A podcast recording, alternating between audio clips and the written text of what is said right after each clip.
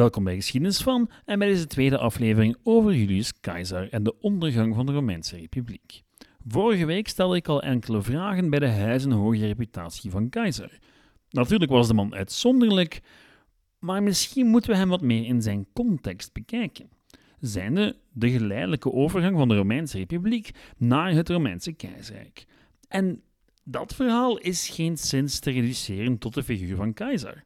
Het is nu eenmaal een pak ingewikkelder dan dat. Een verhaal over de kloof tussen arm en rijk, conservatisme, populisme, ego's en een heleboel wapengekletter. Dat en nog veel meer in deze aflevering van Geschiedenis van.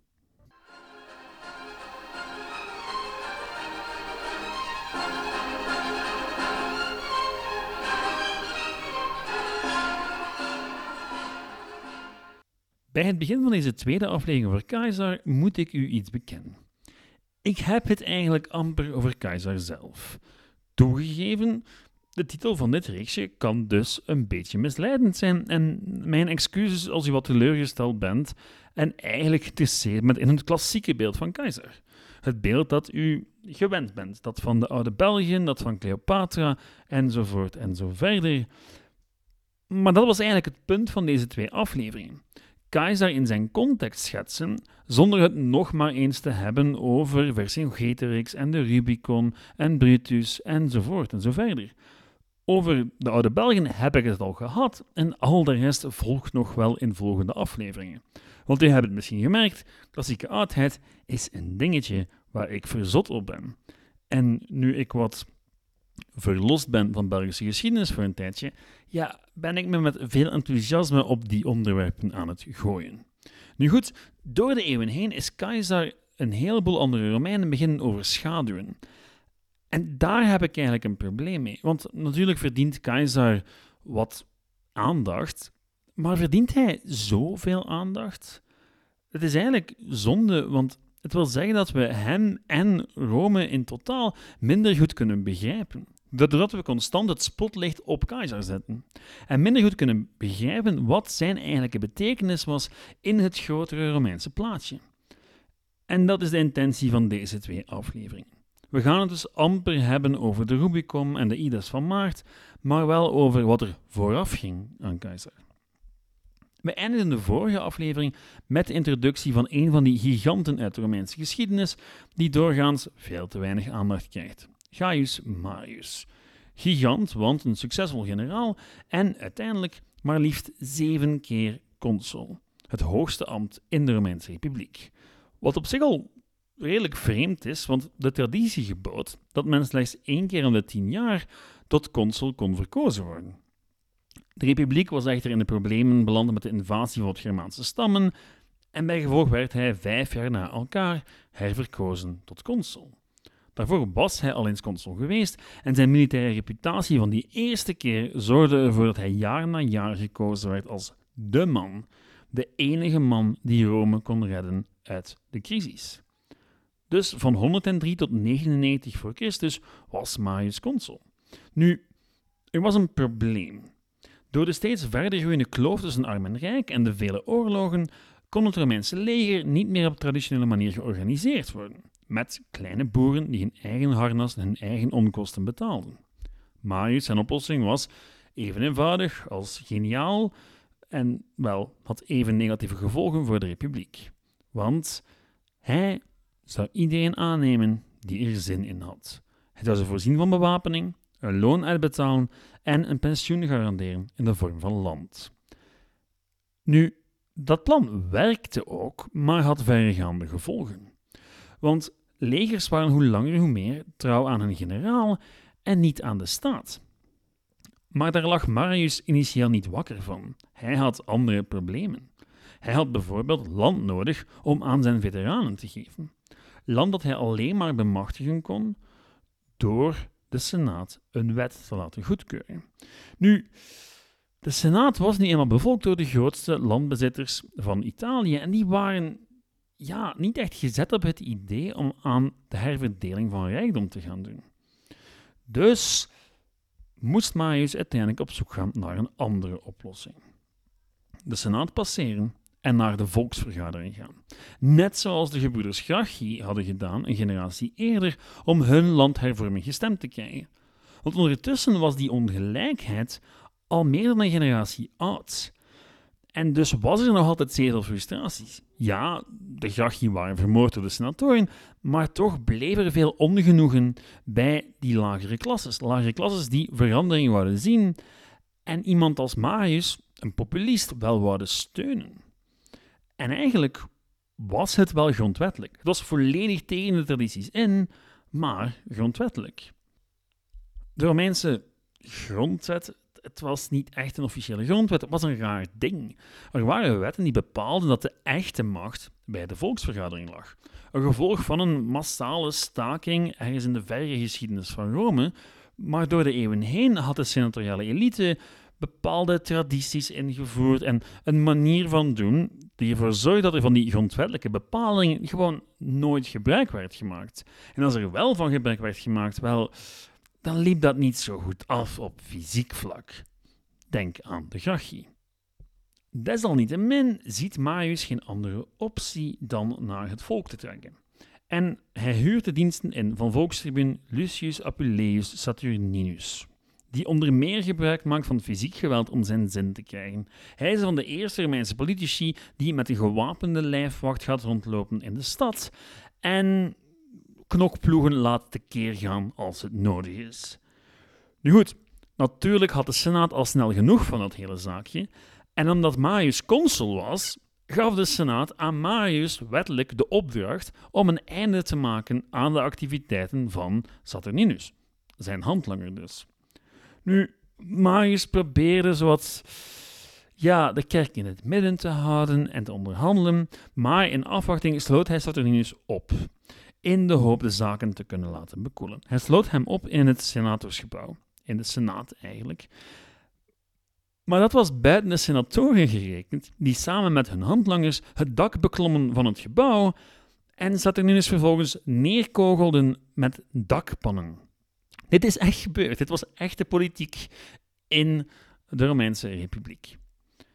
Nadien ging Marius in vrijwillige politieke ballingschap, want hij was in de ogen van zowat iedereen schuldig voor de crisis. Populisten vonden dat hij Saturninius had verraden door hem op te sluiten. Conservatieven vonden dat hij niet genoeg had gedaan met hem op te sluiten en dat het in de allereerste plaats allemaal zijn schuld was. Marius verdween dus een tijdje naar de achtergrond, maar de Romeinse politiek kalmeerde niet.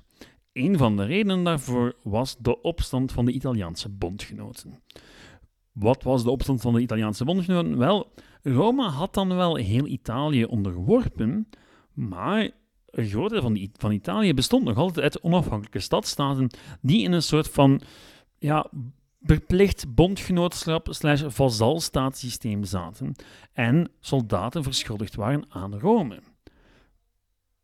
En hun soldaten stierven dan wel voor Rome, vochten in alle oorlogen mee, vochten bij de verovering van al die, die gebieden, maar konden niet mee profiteren van de rijkdom die dat bracht.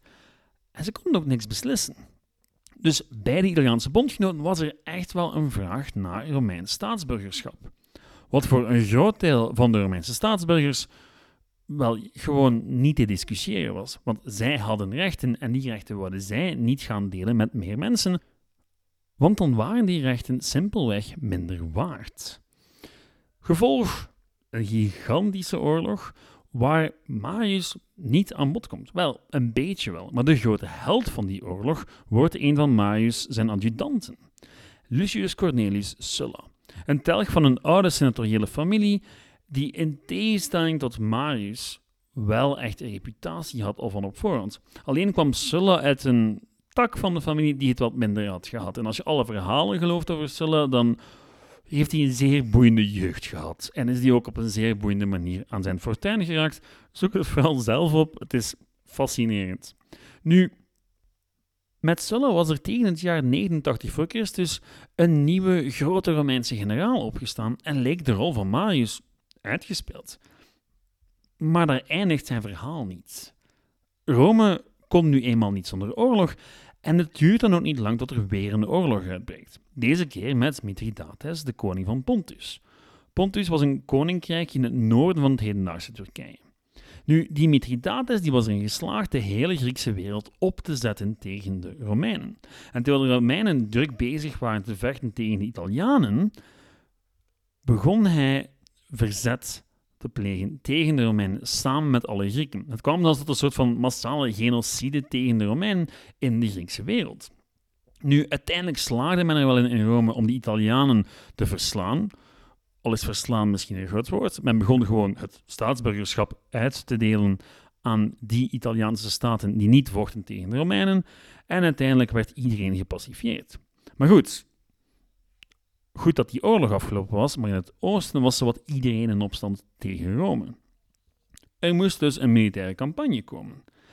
En de logische man die die campagne zou leiden was Sulla, die zelfs consul was weten worden in 88. Dus de volgende logische stap is dat de consul, na zijn jaar van consulschap, het commando krijgt over een leger.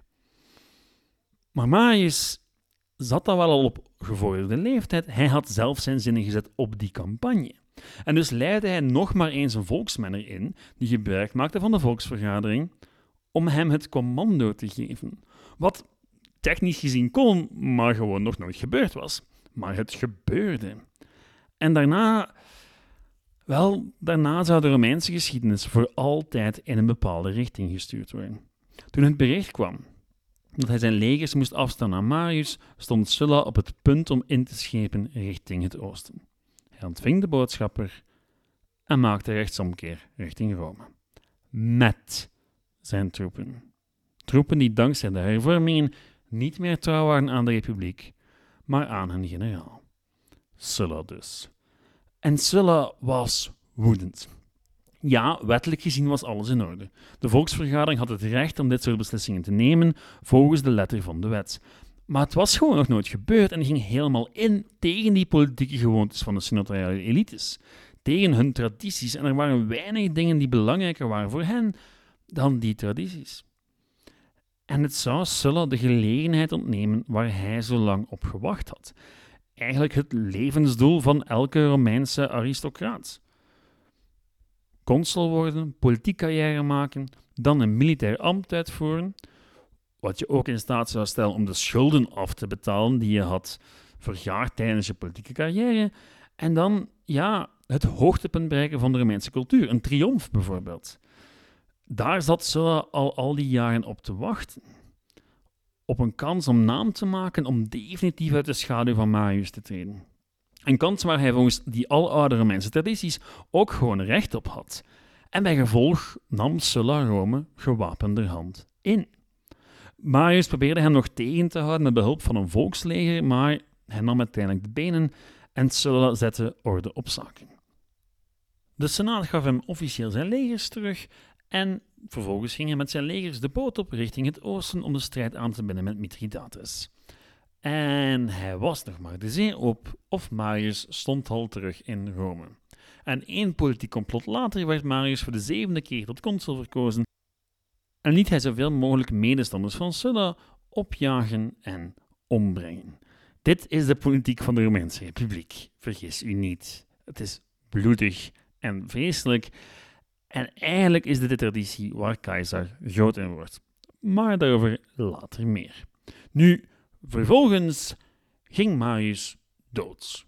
Niet vermoord, niet terechtgesteld. Nee, hij was gewoon al een oude man op dit moment. En historici gaan er eigenlijk al lang van uit dat hij op latere leeftijd niet meer even helder was als tevoren. Maar goed, met de dood van Marius was de burgeroorlog niet ten einde, want de fracties die waren opgerezen bestonden nog. En Senna, zijn politieke bondgenoot, bleef aan de macht tot hij uiteindelijk gedood werd door zijn eigen troepen toen die hoorden dat een zekere Sulla geland was in Italië. Sulla nam natuurlijk Rome in en liet zowat iedereen ombrengen die zelfs maar in de verte verte geassocieerd werd met Marius. Sulla werd tot dictator verklaard en zou de Romeinse staat volledig hervormen in een poging om de republiek te redden. En nu kan u wat cynisch kijken, maar over Sulla's intenties kunnen we eigenlijk niet discussiëren. Hij dacht echt dat hij de republiek aan het redden was. Hij was dictator. Toen hij dacht dat het klaar was, dat het werk af was, keerde hij terug naar zijn villa om de laatste jaren van zijn leven door te brengen als een soort van, wel, Hugh Hefner in de Playboy Mansion. Dat is min of meer wat we horen van de bronnen dat daar plaatsvond. Nu goed, de macht werd dus opnieuw bij de Senaat gelegd, alle populaire hervormingen teruggedraaid en de oude regels voor consuls werden opnieuw van kracht. Hij legde zijn ambt neer en dacht dat hij de republiek gered had. Feit is dat hij eigenlijk een nieuwe republiek gesticht had, eentje waar de senatoriële elite het nog meer voor het zeggen had dan tevoren. Nu ook wettelijk. Maar goed, gezien een kleine 50 jaar later de republiek dood en begraven zou zijn, moeten we concluderen dat hij desalniettemin, nieuwe republiek, oude republiek, toch gewoon gefaald heeft. Sulla en Marius hadden iets in gang gezet dat niet te stoppen bleek. Wat ons terugbrengt tot een zekere Julius Caesar. Want ja, die komt wel degelijk in dit verhaal voor. Marius en Sulla scheppen de context waarbinnen Keizer gaat opereren. Hij gaat van beiden iets lenen voor zijn eigen greep naar de macht. Van Marius leert hij dat een generaal heel wat macht naar zich toe kan trekken als hij de kant van de populisten kiest. En van Sulla dat als je troepen je trouw zijn, je hen even goed gebruiken kan als een politiek wapen, ook tegen Rome.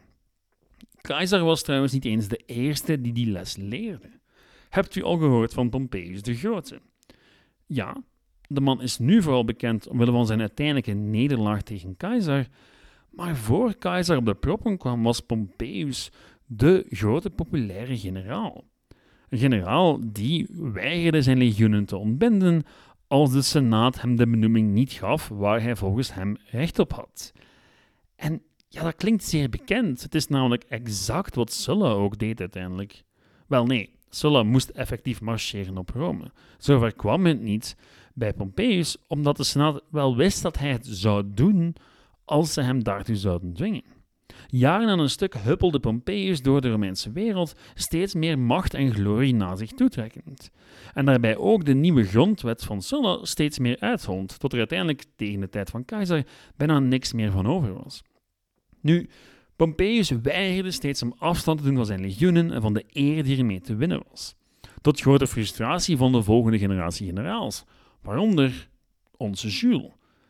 En de Jules die had zelfs met moeite Sulla's regeerperiode overleefd. Zijn tante was namelijk getrouwd met Marius zelf, wat meer dan genoeg was voor Sulla om Caesar op een van zijn lijsten te plaatsen. Nu, Sulla zou gezegd hebben dat hij in Caesar vele Mariussen zag. Al kan je de vraag stellen in welke mate latere historici dat zinnetje niet in zijn mond geplaatst hebben. Maar goed, het zou best kunnen. Gelukkig voor Keizer wisten familieleden hem van de lijst te krijgen en overleefde hij Sulla's dictatuur. In de jaren die volgden bouwde hij aan zijn politieke en militaire carrière, maar hij stootte al snel op allerlei obstakels. De Senaat werkte hem tegen in zijn ambities om consul te worden en het daarbij horende militaire ambt te bemachtigen. En net zoals bij zijn voorgangers was dat de grote ambitie van Keizer consul, militaire glorie, een triomf in Rome enzovoort.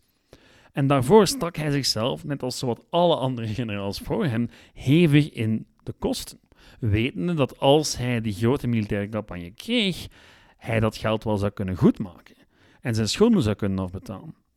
Maar als dat ambt niet zou komen, ja, dan begon de probleem pas echt. Nu, in dezelfde periode hadden Pompeius en andere coming man Crassus gelijkaardige probleem. Pompeius had, net zoals Marius tevoren, een landwet nodig om zijn soldaten te belonen voor bewezen diensten. En Crassus wou meer politieke macht en, natuurlijk, een militair commando. En alle drie hadden ze problemen met de Senaat. En keizer, ja, die had zijn schulden, had nood aan dat militair commando, dus waarom niet? Samen vormden ze een alliantie, later beter bekend onder de titel van het Eerste Triumviraat. Met z'n drieën zetten ze de Senaat bij het spel en kreeg iedereen wat ze wilden. Wel, voorlopig toch. En op dat moment zo ongeveer moet Sulla zich hebben omgedraaid in zijn graf. Zijn hervormingen hadden tot doel gehad om de republiek te redden en amper twintig jaar later leek veel ervan nutteloos geworden te zijn. Drie ambitieuze politici hadden besloten de macht te delen en lucratieve militaire campagnes en ambten onder elkaar te verdelen. En daar maakten ze zeer vaak gebruik van, van de volksvergadering. Het waren nu eenmaal populisten. En ja, er was tegenstand en ik ga je de details besparen, want Rome was een absoluut wespennest. De ene alliantie na de andere ontstond en viel en het leek soms af en toe alsof het systeem ook effectief in zou slagen om te vermijden dat een persoon of een fractie sterker zou worden dan de anderen. Neem nu bijvoorbeeld een Cicero, die wisselde continu van kant. Eén keer bij de conservatieven, dan bij de populisten, dan in het kamp van Keizer, dan in het kamp van een ander. De Senaat vond dit alles zeer irritant, maar ging ervan uit dat vroeg of laat de zaken zouden kalmeren. En dat die drie elkaar uit zouden schakelen, of op zijn minst dat de Senaat opnieuw wat meer ruimte zou krijgen om haar klassieke spel te spelen. Maar goed, de macht werd dus steeds meer geconcentreerd bij een steeds kleinere minderheid. En het zou alleen maar erger worden eigenlijk. Crassus sneuvelde in de strijd tegen de parten en in wat volgde zou de alliantie tussen Pompeius en Caesar uit elkaar vallen. Met als resultaat dat de Senaat Pompeius voor de kar spande om het machtsmisbruik van Caesar in te perken. Achteraf gezien lijkt het bijna onvermijdelijk dat het op dit soort conflict zou uitdraaien. Want ja, als het politieke voortbestaan van een politicus of generaal afhangt van zijn commando over een leger, dan zal hij dat commando ook gewapenderhand verdedigen. Sulla was genoeg gehecht aan de republiek om achteraf te proberen de klok terug te draaien. Van Keizer, tja, men probeerde zijn leger af te nemen, men probeerde zijn bevoegdheid af te nemen, men dreigde met rechtszaken na zijn ambt. En Keizer dacht, oké, ik ga hier alleen maar overleven als ik met die troepen naar Rome marcheer, als ik zelf de macht heb. Of Keizer die macht zou hebben afgegeven, ja, daar hebben we eigenlijk geen idee van. Op het moment van zijn dood stond Keizer min of meer op hetzelfde punt als Sulla ooit had gedaan. Maar het herstellen van de republiek, ja, dat leek niet zijn intentie. Er was geen enkele aanwijzing dat Keizer zijn ambt van dictator zou gaan neerleggen zoals Sulla had gedaan. Nu goed, we zullen het nooit weten. In de maanden voor zijn dood was hij druk bezig met zijn greep op de republiek te verstevigen. En daarbij liet hij wel na om zoals Marius en Sulla een bloedbad aan te richten onder zijn tegenstanders. Wat misschien verstandiger was geweest als hij echt keizer wou worden, of tenminste koning wou worden. Want het waren net die politici die tijdens de oorlog de kant van de conservatieven en Pompeius hadden gekozen, en dan vergiffenis hadden gekregen van keizer, die hem later letterlijk een mes in de rug staken. En de dood van keizer zette een nieuwe golf van burgeroorlogen in gang, waar zijn pleegzoon uiteindelijk uit zou komen als de eerste keizer. Dat is een fascinerend verhaal, maar dat is ook voor een andere keer, als we Augustus aan een nader onderzoek onderwerpen. En dan krijgt u het logische vervolg op dit mini-reeksje over de dood van de Republiek. Een reeksje over het ontstaan van het keizerrijk. En dan ga ik het ook hebben over waarom Keizer nog steeds de bekende Romein aller tijden lijkt te zijn. Want dat is in grote mate het resultaat van het werk van diezelfde Augustus. Een man die zijn eigen pleegvader vergoddelijkte in een poging om zijn greep naar de macht te legitimeren. Een man die de geschiedenis van de burgeroorlogen ligt niet neerpennen door zijn eigen historici. Maar opnieuw, dat is voor een andere keer. Wat kan ik vandaag nog zeggen over Keizer? Wel, is hij nu echt overschat? Tja, ik laat het definitieve oordeel liever aan u over, maar persoonlijk vind ik van wel. Keizer is het type voorbeeld van een historische figuur die uit zijn context geplukt wordt en naar voren wordt geschoven als uitzonderlijk. En ja, hij was absoluut uitzonderlijk, maar was hij dan werkelijk zoveel uitzonderlijker dan de Romeinse generaals die Hannibal versloegen? Nee, ik denk het echt niet. Ik denk dat wat Keizer bereikt mee het gevolg was van zijn context. En bovendien werden die verwezenlijkingen later nog eens met een roze bril neergepend om zijn spirituele opvolger in een beter daglicht te zetten. En het gevolg van al die propaganda is dat Keizer door velen als de sleutelfiguur wordt gezien in de Romeinse geschiedenis, terwijl hij toch vooral een schakel was. Een belangrijke schakel, absoluut, maar niet de belangrijkste. Die eer moet simpelweg naar Augustus gaan. Want Als er één persoon is die verantwoordelijk kan gesteld worden voor de overgang van republiek naar keizer, dan is hij het wel. En zonder al die andere schakels voor keizer, zoals Marius en Sulla, was er van keizer nooit sprake geweest. Dus ja, ik ben wat cynisch. Maar goed, het is mijn persoonlijke mening. En dat is waar u naar geluisterd hebt, een mening. Ik vertel hier geen leugens, maar toegegeven, je kan de feiten ook anders interpreteren. Er is nog veel meer te vertellen, maar dat is zoals ik al zei, voor een andere keer. Wie niet kan wachten, kan ik twee dingen aanraden. Wie meer wil weten over de val van de Romeinse Republiek en dan vooral over de periode die vooraf ging aan keizer, raad ik het boek The Storm Before the Storm aan van Mike Duncan. Die schetst alles in het lang en het breed. In podcastvorm kan ik ook de reeks afleveringen van Dan Carling aanraden in Hardcore History. Die spendeert er meer dan 10 uur aan in totaal in de reeks Death Throes of the Republic. Allebei zeer grote aanraders en inspiratiebronnen voor deze aflevering. Goed, bedankt voor het luisteren. Tot volgende week.